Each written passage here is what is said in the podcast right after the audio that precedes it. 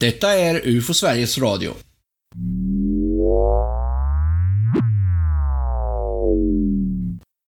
Redan de gamla grekerna drömde om att kunna röra sig fritt i det stora lufthavet. Det var dock inte förrän i slutet av 1700-talet som människan fann ett sätt att bemästra luften. Bröderna Josef och Etienne Montgolfier byggde den första fungerande flygfarkosten, en varmluftsballong. Den första bemannade uppstigningen gjordes den 21 november 1783 i Paris. Ballongen var byggd av papper och målad i blått och gult.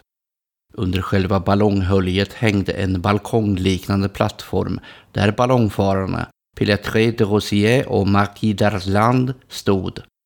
Värmekällan de hade med sig var en eldgryta med galler, vilken de matade med halm under färden. Gasballongen uppfanns samma år och under nästan 200 år var det den vanligaste ballongtypen. Gasballonger flögs i Sverige under åren 1890 till 1936. Vid ingenjör Andrés berömda Nordpolsexpedition var det en gasballong som användes. Redan tidigt insåg man att ballonger var ett lämpligt sätt att inhämta data på och idag används ballonger i väldigt många olika syften och inte bara för att komma närmare himlen. Inom UFO Sverige undersöker vi ofta rapporter om okända föremål som visar sig vara ballonger och andra typer av luftburna föremål. Sådant som för den undersökande ufologen ofta benämns med begreppet misstolkningsfenomen. Exempel på ballonger som har misstolkats av oerfarna observatörer kan vara UFO-ballonger. Dessa svävande varmluftsballonger har många namn.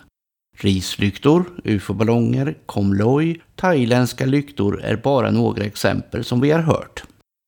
Lyktorna är särskilt populära att skicka upp runt nyår men förekommer även i mindre omfattning året om. Ballongen är av tradition gjord av papper men även plast förekommer. Något brinnande material under ballongen värmer upp luften innan den får lyftkraft och släpps upp då den stiger snabbt. Den lilla eldslågan lyser upp ballongen vilket gör att den syns på väldigt långt håll. Ofta släpps flera ballonger upp samtidigt och svävar då i formation vilket kan se väl så mystiskt ut. Leksaksballonger. Ett ovanligt men förekommande misstolkningsfenomen. En leksaksballong på avstånd kan vara svår att identifiera och det finns idag ballonger i allehanda färger och former. Vid festivaler och jippon säljs ofta färggranna metalliska ballonger av olika slag ofta fyllda med helium för att lätt kunna sväva fritt. Dessa, om de svävar uppåt himlen, kan intensivt reflektera solljuset och iakttas på långa avstånd och då se märkliga ut, men även bete sig annorlunda. I motljus kan vi se exempel på svarta objekt på himlen som kan vara mycket svåra att förstå sig på. Solballonger, en typ av ballonger som värms upp och får sin lyftkraft när de placeras ute i solen. När luften blivit tillräckligt uppvärmd lättar ballongen och stiger till väders. Den här typen har oftast inte något annat syfte än att vara en leksak eller en hobbypryl.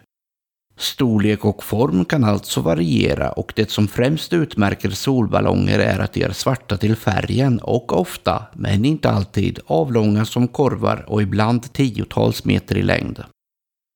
Reklamballonger är ballonger som inte är helt ovanliga och kan bokstavligen förekomma i så gott som alla tänkbara former. Ett återkommande inslag när det gäller reklamballonger är att de ges en form efter den produkt som de ska marknadsföra och förekommer från små leksaksvarianter till stora varmluftsvarianter med korg och passagerare hängande under.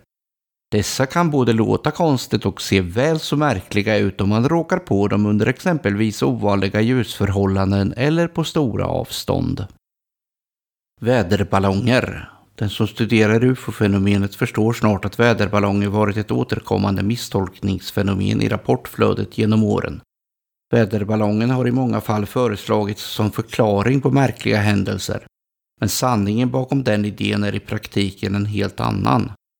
Faktum är att väderballonger är ovanliga som misstolkningsfenomen och det beror i huvudsak på att de är mycket svåra att se från marken.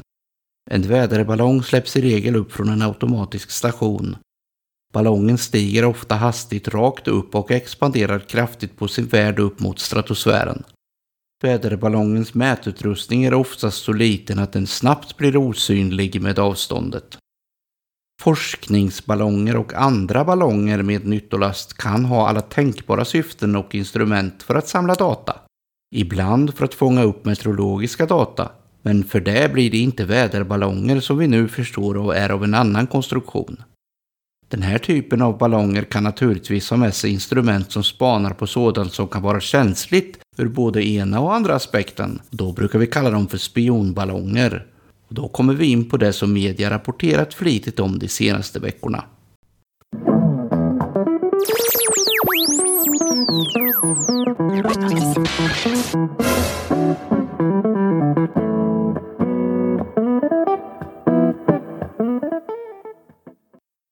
Varmt välkomna till UFO Sveriges Radio. Jag heter Tobias Lindgren och med mig idag har jag Claes Svan och vi skall som ni förstår prata om ballonger. Men inte i allmänhet utan lite mer specifikt. Den 28 januari upptäcker det amerikanska försvaret en ballong i luftrummet över Alaska. Och det var väl ett tag innan media nappade tror jag va? Det stämmer. De såg den ju några, ja, åtminstone ett dygn innan de gick ut med att det kom ut information om den överhuvudtaget. Det var den där stora ballongen. Ja, visste man redan då att den var från Kina? Nej, det visste man inte men man började nog misstänka det ganska så snart. Så fort man kunde få upp eh, flygplan och titta på den så började man förstå att det kunde vara en kinesisk ballong. Och sen lät man den flyga vidare in över norra Amerika där och eh, den kom ner mot själva USAs mainland om man säger. Ja, den gick ju då in som du säger över Alaska först och så gick den över Yukon och sen fortsätter den över västra Kanada. Och sen gick den in då över Montana i princip då det finns väldigt mycket känsliga installationer och det finns eh, interkontinentala kärnvapenrobotar och sånt där och eh, sen går den verkligen rakt över USA. Man eh, skickar upp flygplan emot den och tittar på den. Man tar bilder men man skjuter inte ner den. Nu har man räknat ut att den egentligen inte skulle haft någon annan eh, från början. Att den skulle ha flugit åt något annat håll. Alltså man vet ju att den, kan, den kunde styras på något vis. Så den gick ju egentligen lite längre söderut än vad man hade trott från början. Kineserna har ju inte sagt någonting egentligen om vilken kapacitet den här ballongen har. Va? Men man lät den ju då gå över hela USA och förstod då att den uppenbarligen var på väg att titta på känsliga saker som man är väldigt rädd om. Så man stängde ju helt enkelt en del grejer längs vägen. Man visste ju att den här ballongen hade, hade utrustning ombord som kunde ta emot signaler. Och eh, Chuck Schumer då, den amerikanska demokraternas eh, eh, ordförande i senaten och som också är talman i senaten. Han sa ju då att eh, man pumpade den på, man tankade den då på information under tiden som den gick över USA. Och sen till slut då så sköt man ner den. Men då är det uppenbart att den var möjlig att styra. Ja, man har sagt i alla fall det. Flera tillfällen då från, från amerikanska myndigheter att den här ballongen var styrbar. I vilken mån de, de styrde den hur mycket, det har man inte gått ut med helt enkelt. Va? Den var uppenbarligen på väg i alla fall över områden som man var orolig för skulle vara då någonting som kineserna ville kunna avlyssna. För det man använder ballonger till på den här höjden egentligen det är ju istället för satelliter. Det är för att man kan lyssna mycket lättare på kommunikation och sånt. Och det var det man eh, försökte då helt enkelt att minska den trafiken under tiden som ballongen gick. Sen säger man också att man också eh, lyckades störa den så att den inte skulle kunna sända informationen vidare. Om man verkligen lyckas med det eller inte, det tror jag blir en politisk fråga i USA. För det är mycket kritik emot att man lät den gå ända till den 4 februari. Då man till slut faktiskt sköt ner den då över, över Atlanten. Och det var inte bara för att skydda dem som eventuellt skulle kunna få den i huvudet. De säger ju det, men det låter ju ändå så att man skulle kunna hitta något ställe på vägen. Men det är klart, det, det, det är ganska mycket som hängde under den här ballongen och eh, det är svårt att styra vart sakerna faller ner när man väl har skjutit. Ja, allt, allt kommer ju ner förr eller senare. De sa ju att det var som tre bussar i storlek, de här grejerna som hängde under ballongen. Ja, tre ledbussar till och med. Va? Så det var ju ordentligt stor den här ballongen. Det är ju som en sån här Skyhook-ballong som man ju har kanske sett bilder på på nätet och så. Om ni googlar på Skyhook så kan ni se sådana där som är ganska små när man skickar upp dem. Men som expanderar upp som hela globens storlek ungefär. Så att de blir väldigt stora när de kommer upp en bit på höjd. Va? Men flög den här på den, den uträknade höjden? Den flyger på 18 000 meter hela tiden. Ja, och det är meningen att den ska vara där. Så det, det var inte så att den skulle egentligen flugit högre? Inte lägre i alla fall, det Nej. tror jag inte. För man vill ju lägga sig på en höjd som man inte är ett hot mot flygtrafiken. Mm, jag tänker på andra forskningsballonger vill man ju flyga så högt som möjligt. Mm. Men det var inte så i det här fallet. Nej, nej absolut inte. Det är som du säger. Va? När man skickar upp från S-range till exempel. Då vill man upp på, på bra höjd så man kan mäta olika saker. Strålning ifrån rymden och man vill kanske titta ut med teleskop och det finns allt möjligt på de här ballongerna. Va? Och då brukar man ju varna då när de kommer iväg på avvägar över annat land. Då säger man ju till. För man är väldigt rädd om nyttolasten som det heter, som hänger under ballongen. Det är ofta väldigt dyrt. Det kan vara värt miljoner kronor som hänger med ballongen. Va? Så om nu kineserna, låt säga då, hade skickat iväg den här i forskningssyfte. Då borde man ju kanske ha varnat amerikanerna och kanadensarna och sagt att oj, den här dyrbara ballongen, vi vill faktiskt att inte den här bara liksom förstörs eller faller ner hos er utan den tas om hand på ett bra sätt. Men någon sån indikation kom aldrig. Inte alls. Va? Det är det som talar emot kinesernas förklaring. Att det var en forskningsballong på avvägar. Och man har inte ännu lyckats fånga upp de här grejerna som trillade ner eller? Alltså alla de här grejerna som från den kinesiska ballongen har man bärgat. Ja, men har man identifierat dem och sett vad det är? Det har man sannolikt gjort. Ja, men inte det har inte kommunicerats. Och då kan man direkt se om det är väderrelaterat eller om det är spionrelaterat. Ja, det kan man säkert redan i, idag göra genom att man har lyssnat på ballongen, vilken trafik den har haft och vad den har samlat in. Så man vet nog rätt så säkert. Och man säger ju, menar, Kamala Harris sa ju bara för någon dag sedan att det här är en spionballong och, och Biden har också kallat den för spionballong. Men eh, nu när utrikesministern eh, Antony Blinken träffade sin motsvarighet då i mötet i München nu för någon dag sedan så fick han ingen ursäkt från Kina utan Kina valde bara att eh, anklaga USA för att skjuta ner deras ballong. De tycker att det är de som är aggressiva genom att ha skjutit ner den. Så är det. Och vad har de för syfte med det? Syftet är ju att visa att eh, för inhemska publiken om inte annat att USA är ett land som försöker att förstöra för Kina givetvis. De fick väl också att- information om att de hade sett någon egen Ja, ballong över sitt territorium. Var det bara, bara påhitt eller? alltså jag, jag jobbade ju på DN den dagen när den nyheten kom. Jag gick ut och läste kinesiska medier och lokala medier från det här området då som eh, man sa att ballongen hade, hade observerats. Men det var väldigt tunt alltså. Väldigt tunt. Det var inga, inga tunga kinesiska myndigheter som var ute och sa detta. Utan det var någon hamnmyndighet i princip då som gick ut och sa att eh, fiskebåtar i- nere i det här området bör eh, se upp ifall det skulle dyka upp någonting och rapportera det och det kan vara en ballong. Va? Och så var det någon kinesisk journalist som ringde och ställde frågor och då blev svaret väldigt svävande. Ungefär som att ja, ja, vi låter er veta om det, om det händer någonting. Och sen har det varit helt tyst. Det, jag tror att det är en, en försöksballong från Kina. Ja, ja. Men ballonger överhuvudtaget rent generellt är väl inte ovanligt egentligen? Det är ju väldigt vanligt. Det skickas upp mängder, av- säkert tiotusentals ballonger runt jorden liksom en vanlig, en vanlig dag. Va?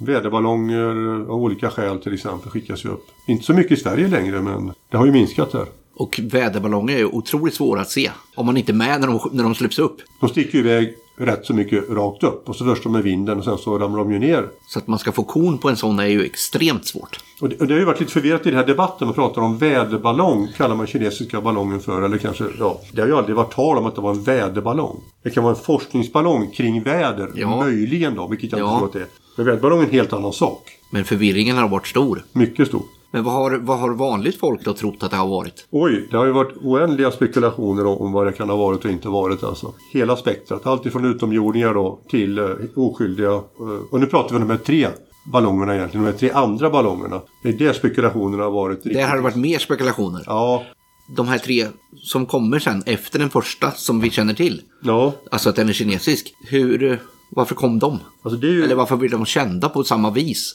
det är de som är intressanta, eller på något sätt mera intressanta för oss då, ufo-branschen.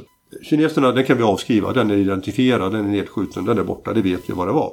Men sen då, den eh, fredag den 10 februari så dyker det då upp ytterligare ett eko. Och det gör det enbart därför att kritiken har varit så hård då, på politiskt håll mot eh, Biden och, och hela, ja, alla som var inblandade, mot Pentagon också. Så man skruvade lite på inställningarna då till sina radarsystem för att se mindre föremål på högre höjd som rör sig långsamt. Det är sånt man inte vill se i vanliga fall. För det blir bara massa klatter, det blir bara massa störningar som ställer till det. Va? Eh, Det som hotar ett land är ofta inte långsamt gående föremål på hög höjd utan snabba föremål på hög höjd. Missiler och, och jaktflygplan. Men nu skruvar man på detta och plötsligt då, oj, då upptäcker man det man letar efter. Okända ekon. Och den 10 februari då, ett okänt eko över Alaska. På ungefär 12 000 meters höjd. De kommer och rör sig. Och det skickar man upp då Eh, flygplan emot och skjuter ner. Och sen dagen efter, på lördagen, dyker upp ett föremål igen.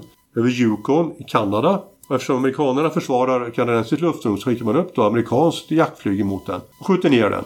Och sen då nästa dag på söndagen den 12 dyker det upp ett tredje föremål över Lake Huron. Precis på gränsen mellan, mellan Kanada och USA.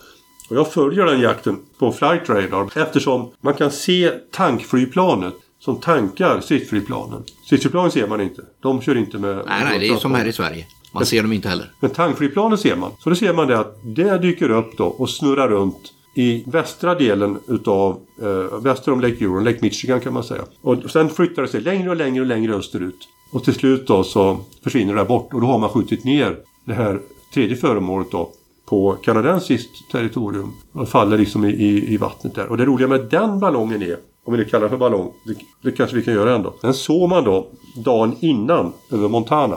Skickade upp stridsflygplan emot den, och såg den på radar. Men flygplanen, piloterna, såg den aldrig. De hittade den inte.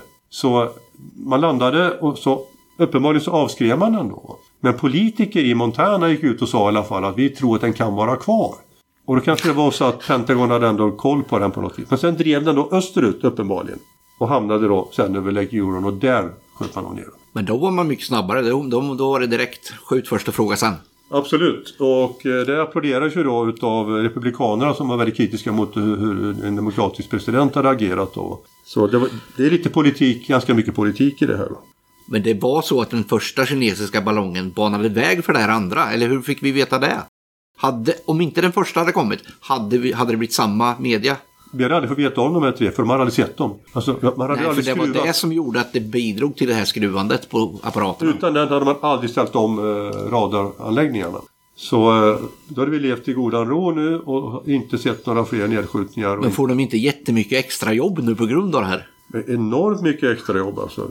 Hur mycket extra jobb som helst. Och man har ju skickat ut grupper för att leta efter vraken också. Både i Alaska och Yukon och Lake Huron. Man hittar det inte. Man hittar dem inte. De är för små va. Man pratar om att de var stor som en bil. Men då pratar man om själva ballongen skulle jag tro, inte om nyttolasten. Det är väldigt oklart det här. Man har inte sagt faktiskt vad som var stort som en bil. Va? Men jag tror snarare att det är ballongen man pratar om. Och man tror att det handlar om saker som är lättare än luft, som har någon typ av nyttolast under. Alltså, två saker tyder ju på det. Va? Det ena är ju att de verkar följa vinden. Det andra är att ingen av dem har försökt att undkomma amerikanska stridsflygplanen. De har bara hängt där och låtit sig skjutas ned. Och, och det tyder ju inte på att Och de har större Hur länge har man sett dem i tid menar jag?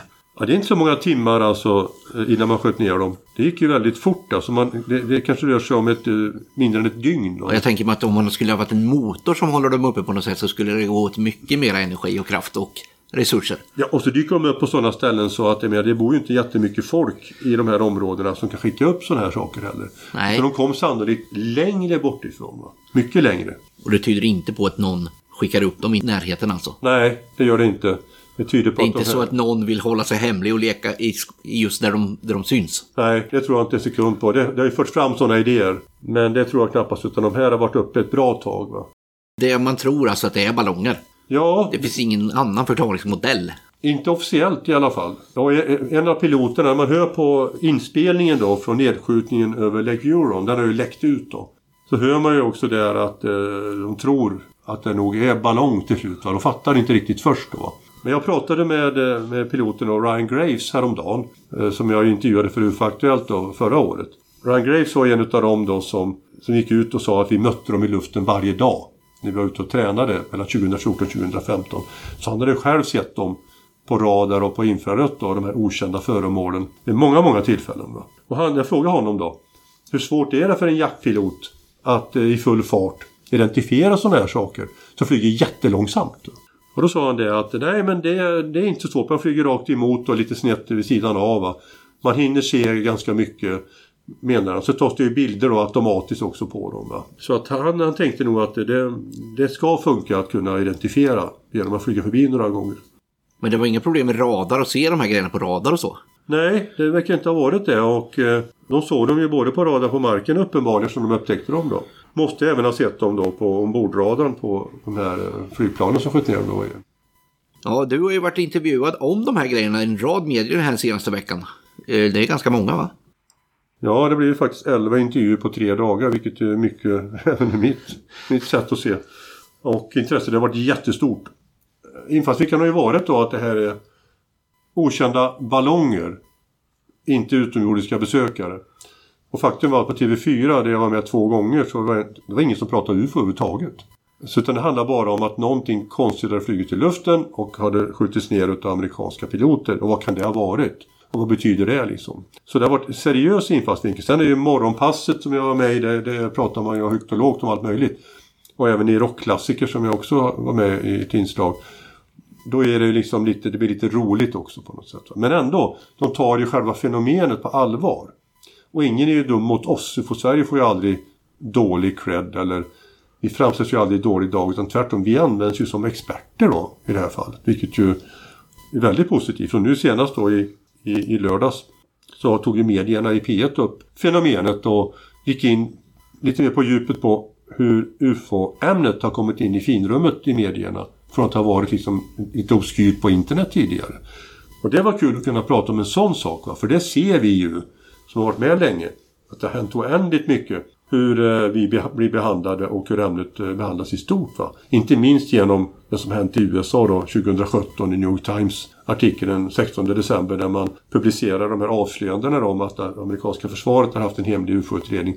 Och sen då midsommarafton 2021 när den första rapporten från UAPTF, Identified Area Phenomena Task Force kommer. Då får genomslaget ännu större effekt. Men de här där är med och pratar, vill man gärna koppla ihop det med en militärvinkel också då kanske? Ja, det vill man ju. Och det är inte så konstigt i och för sig för det här är militären som har drivit den här frågan verkligen och politikerna. Så det är klart att många har varit intresserade av kanske svenska militären kan tänka se på sådana här saker om det finns liknande fenomen över Sverige. Det har ju vid flera tillfällen förekommit att forskningsballonger har gått vilse eh, från Ryssland framförallt då och kommit in över Sverige. Och då har man kunnat se dem. Liksom. Det har ju tusentals människor kunnat följa dem och se dem på himlen faktiskt. Och vid ett tillfälle blev det förväxlat med ett ufo-fenomen. Eller flera tillfällen ska jag säga också att man trodde att det var någonting ännu konstigare. Men då blir det inga diplomatiska eller militära förvecklingar. Nej. De råkar nej. hamna på grund av väder och sånt. Vindarna är ju rätt så beständiga där på väldigt hög höjd då, men de kan ju ändå gå fel. Och då blir det ju sällan någonting utan de är väldigt måna om att man tar hand om den här nyttolasten som sagt som skulle krascha på fel ställe. Även svenska forskningsballonger kan ju hamna i, i, i Ryssland. Och det har vi varit noga med att samarbeta helt enkelt med de länderna som ligger i, i, i färdvägen. Men nu är frågan om vi, om vi får något svar på de här tre sista då. För man har ju avbrutit sökandet efter de här tre. Man har gett upp helt enkelt och det förstår jag. Det är ju små objekt alltså. Det är ju, ballongerna i sig är ju bara ett stycke tyg för att vara lite enkel. Då. Några kanske har metall i sig då som sades vid ett tillfälle. Men under dem hänger ju väldigt små nyttolaster. Och hitta dem liksom då i Alaskas snövidder i mörker kanske och det snöar över på tre timmar. Eller i Yukon eller på 15 meters djup i Lake Huron. Det är inte så lätt alltså. Men det är inte så bara att det skulle kunna vara leksaker? Det var ju en, en grupp då som trädde fram som heter Northern Illinois Bottle Cap Balloon Brigade. De eh, trädde fram i Aviation Week en av de mest eh, seriösa då, tidskrifterna som handlar om eh, flyg och, och eh, rymdfart. Och berättade att en av deras ballonger hade ju försvunnit i samband med den här som sköts ner över Yukon. Då. Bara några timmar tidigare hade de tappat kontakten med den eh, över Alaska och den drev då österut. Så de misstänker ju att det kan, kan ha varit den ballongen som sköts ner och den kostar ju 12 dollar. Och eh, den missil man sköt ner med kostar 400 000 dollar. Så det är ju lite Alltså, man använder slägga för att knäcka ett ägg här verkligen.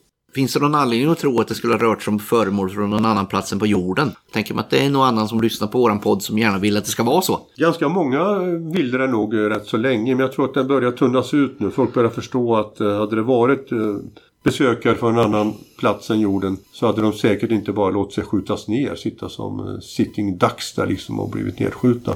Och det finns inget som tyder heller på att man rört sig på något konstigt sätt. Eller att de har uppvisat några andra egenskaper som är konstiga. Däremot sådana hittar man ju då bland de här andra rapporterna som de amerikanska piloterna har kommit med. Där hittar man ju genuint knepiga UFO-rapporter. Men jag kan inte påstå att något av det här får mig att, eh, att känna att det här är någonting utöver det vanliga.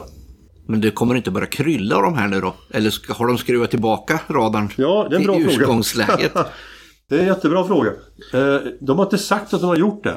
Men jag tror att de börjar misstänka att det är en ganska dålig idé att ha det inställt på den här nivån. För de kommer att få se massor med ballonger under ett normalt år. Så jag misstänker att de går tillbaka till normalläge snart. Och låter bli de här. Det blir ganska dyrt att skjuta ner allihop. Så tänk dig själv va, 400 000 dollar för ett skott. Och man har skjutit ner fyra stycken nu då.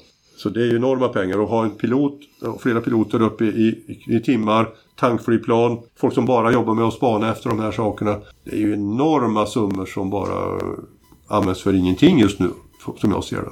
Men om man går lite längre då, finns det något som vi ufo-intresserade kan dra lärdom av detta här? Och jag tänker även de amerikanska ufologerna. Det är väl att inte dra förhastade slutsatser innan man vet lite mer. Va? Så fort det dyker upp okända föremål så börjar spekulationerna alltid. Och så utser man alltid någon, någon bov då. Och det är ju amerikanska militären i det här fallet och som är boven som inte berättar sanningen. Men det beror ju på att amerikanska militären inte vet sanningen säkert. De kanske kommer att få veta sanningen om de hittar vrakresterna. Men det gör man ju inte då. Ja, om man inte letar. Men får inte kineserna slängas leven också? Jo, det är klart de får va. Men eh, de här tre sista har man ju sagt är inte från Kina. Det har man sagt säkert. Så den slängas leven man, man får har man redan fått egentligen nu genom diplomatiska protester och mötet som var då mellan Antony Anthony Blinken och eh, hans motsvarighet i Kina. Det börjar bli överspelat nästan nu va. Det vi kan lära oss är ju framförallt att ha lite is i magen. Att inte uttala oss för snabbt. Att inte dra förhastade slutsatser utan titta på data när någon kommer in. Och den här ballonggruppen då, Northern Illinois Bottle Cap Balloon Brigade.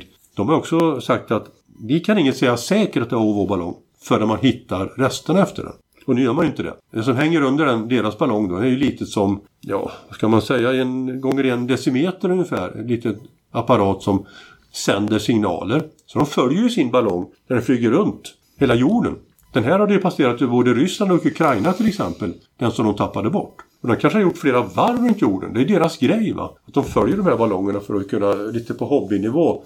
Det är som att lyssna på radioamatörer i andra länder och där. Det är kul liksom att någonting händer på andra sidan jorden som man är inblandad i själv.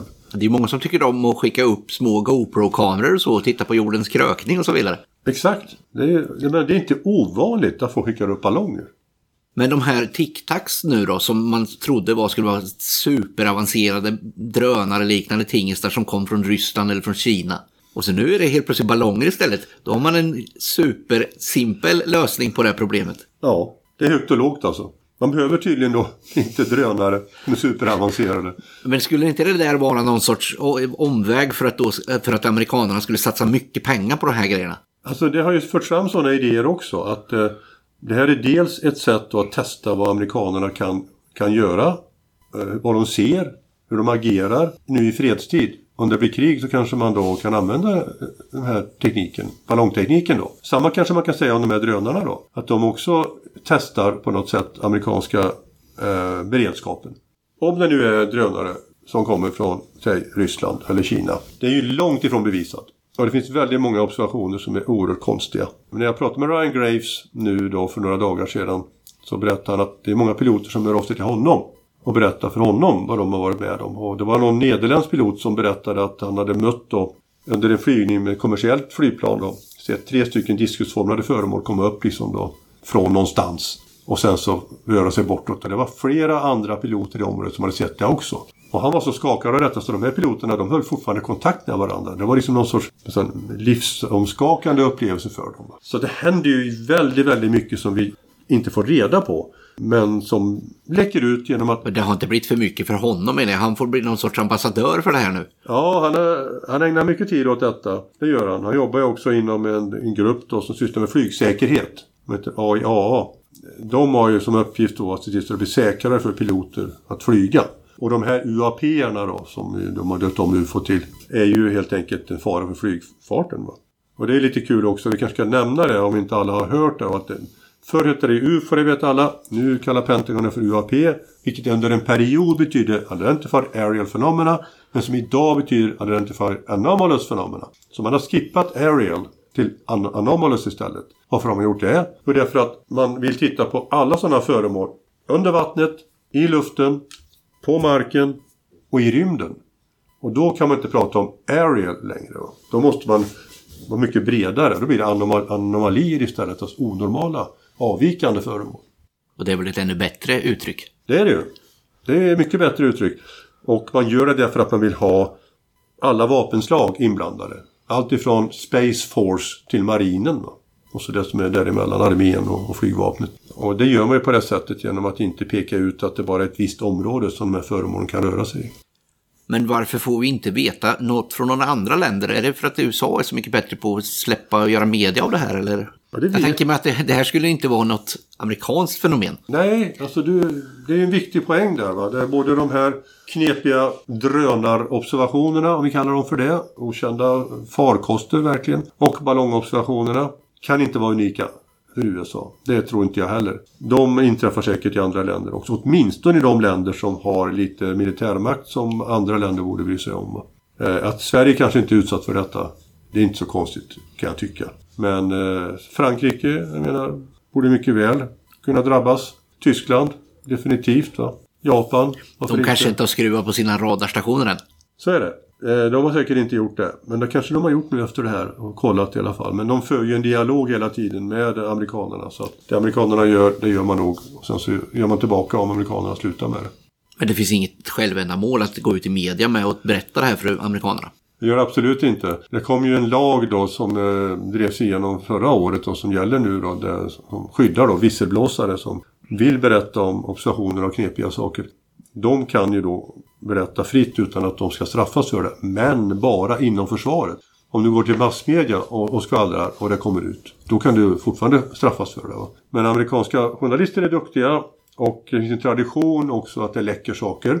Så att det kommer nog fortsätta att läcka givetvis eh, om det händer någonting. Det tror jag alldeles säkert. Det finns alltid någon som har ett, eh, någonting att vinna på, på detta. Och inte minst politiker. För att det är ju så här också att senaten informeras ju i, ja, i tisdags nu. nu. Nu spelar vi in det här på söndagen så det kanske händer saker. Va? Men då informerades ju då senatorer där Under en hemlig briefing om, om de här nedskjutningarna och vad man visste om det. Och de går ju ut och läcker en del. Va? De berättar ju för pressen det de tycker att de kan berätta. Så det, det är ju väldigt svårt att se att det går att hålla hemligt helt och hållet. den. Men det, det handlar inte om pengar. Det tror jag inte att det gör. Det handlar om, menar om budgetpengar eller vad tänker du? Ja, jag tänker på att någon gör pengar på det här. Alltså de enda som kan göra pengar på detta det är ju amerikanska försvarsmakten som skulle kunna få mera pengar för att skydda USA bättre. Nu har ju Biden gått ut och sagt att det krävs nya lagar då för att man ska bättre hålla koll på vad som skickas upp. Det är de här eh, Illinois-gruppen då som skickar upp sin ballong som försvann och som kanske skjuts ner då. Eh, De lyder ju inte under några restriktioner. De kan skicka upp sina utan att de behöver tillstånd eller rapportera till någon myndighet. Det tror jag kommer att ändras. Det blir liksom som med drönarna ungefär, att drönartrafiken regleras. Nu tror jag Biden vill reglera ballongtrafiken också. Ja, nu gäller det att fixa vädret kanske också.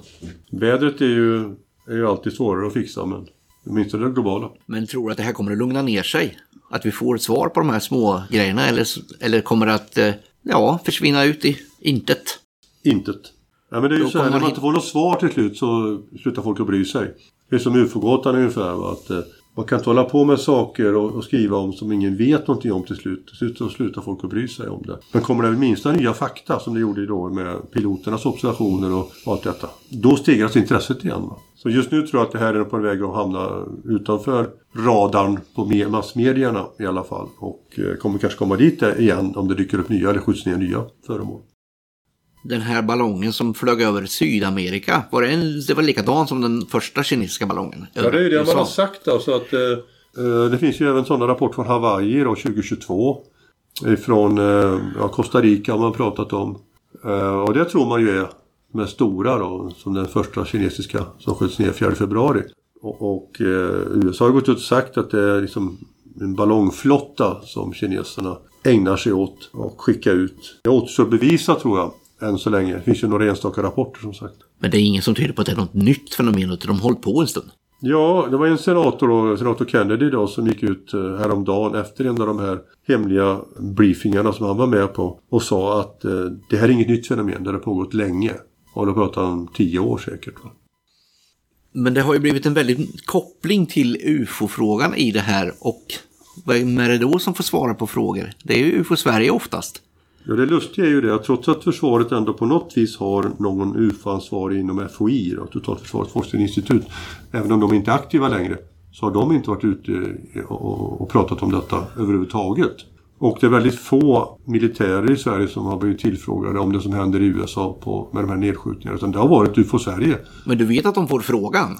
Det vet jag faktiskt inte. Men det förvånar mig att de inte har fått frågan. Och det verkar ju inte som att de har fått frågan. För de har inte varit ute i, i något sammanhang egentligen. Jag har ju varit ute jättemycket och jag har ju aldrig haft någon annan att prata med.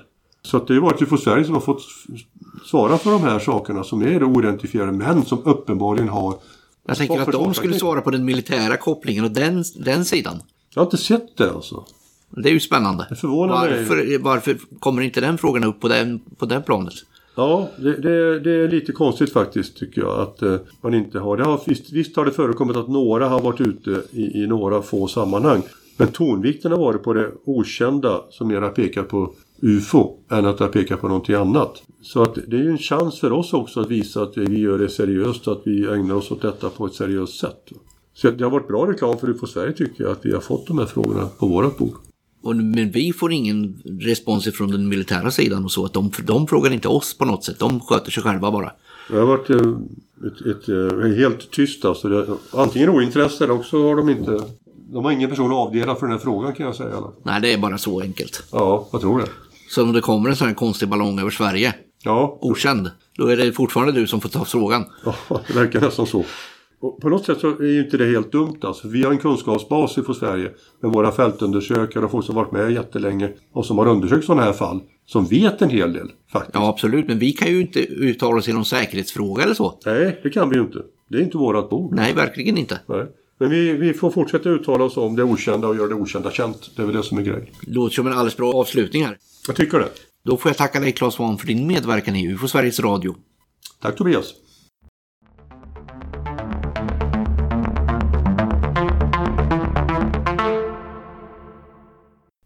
UFO Sveriges Radio görs av Riksorganisationen UFO Sverige. Vill ni höra av er till UFO Sverige så använd gärna adressen info.ufo.se. Kanske bara för att önska något intressant ämne för framtida avsnitt av UFO Sveriges Radio. Rapporterar spionballonger och andra märkliga händelser gör ni via vårt formulär som ni hittar på webbplatsen ufo.se. UFO Sverige finns också på sociala medier där ni gärna diskuterar och tar upp de typer av ballonger som jag inte fick plats med i min introduktion. Om ni gillar det ni hör så är det bästa ni kan göra att fortsätta lyssna på UFO Sveriges Radio. Håll ögon och öron öppna så hörs vi snart i en podd nära dig.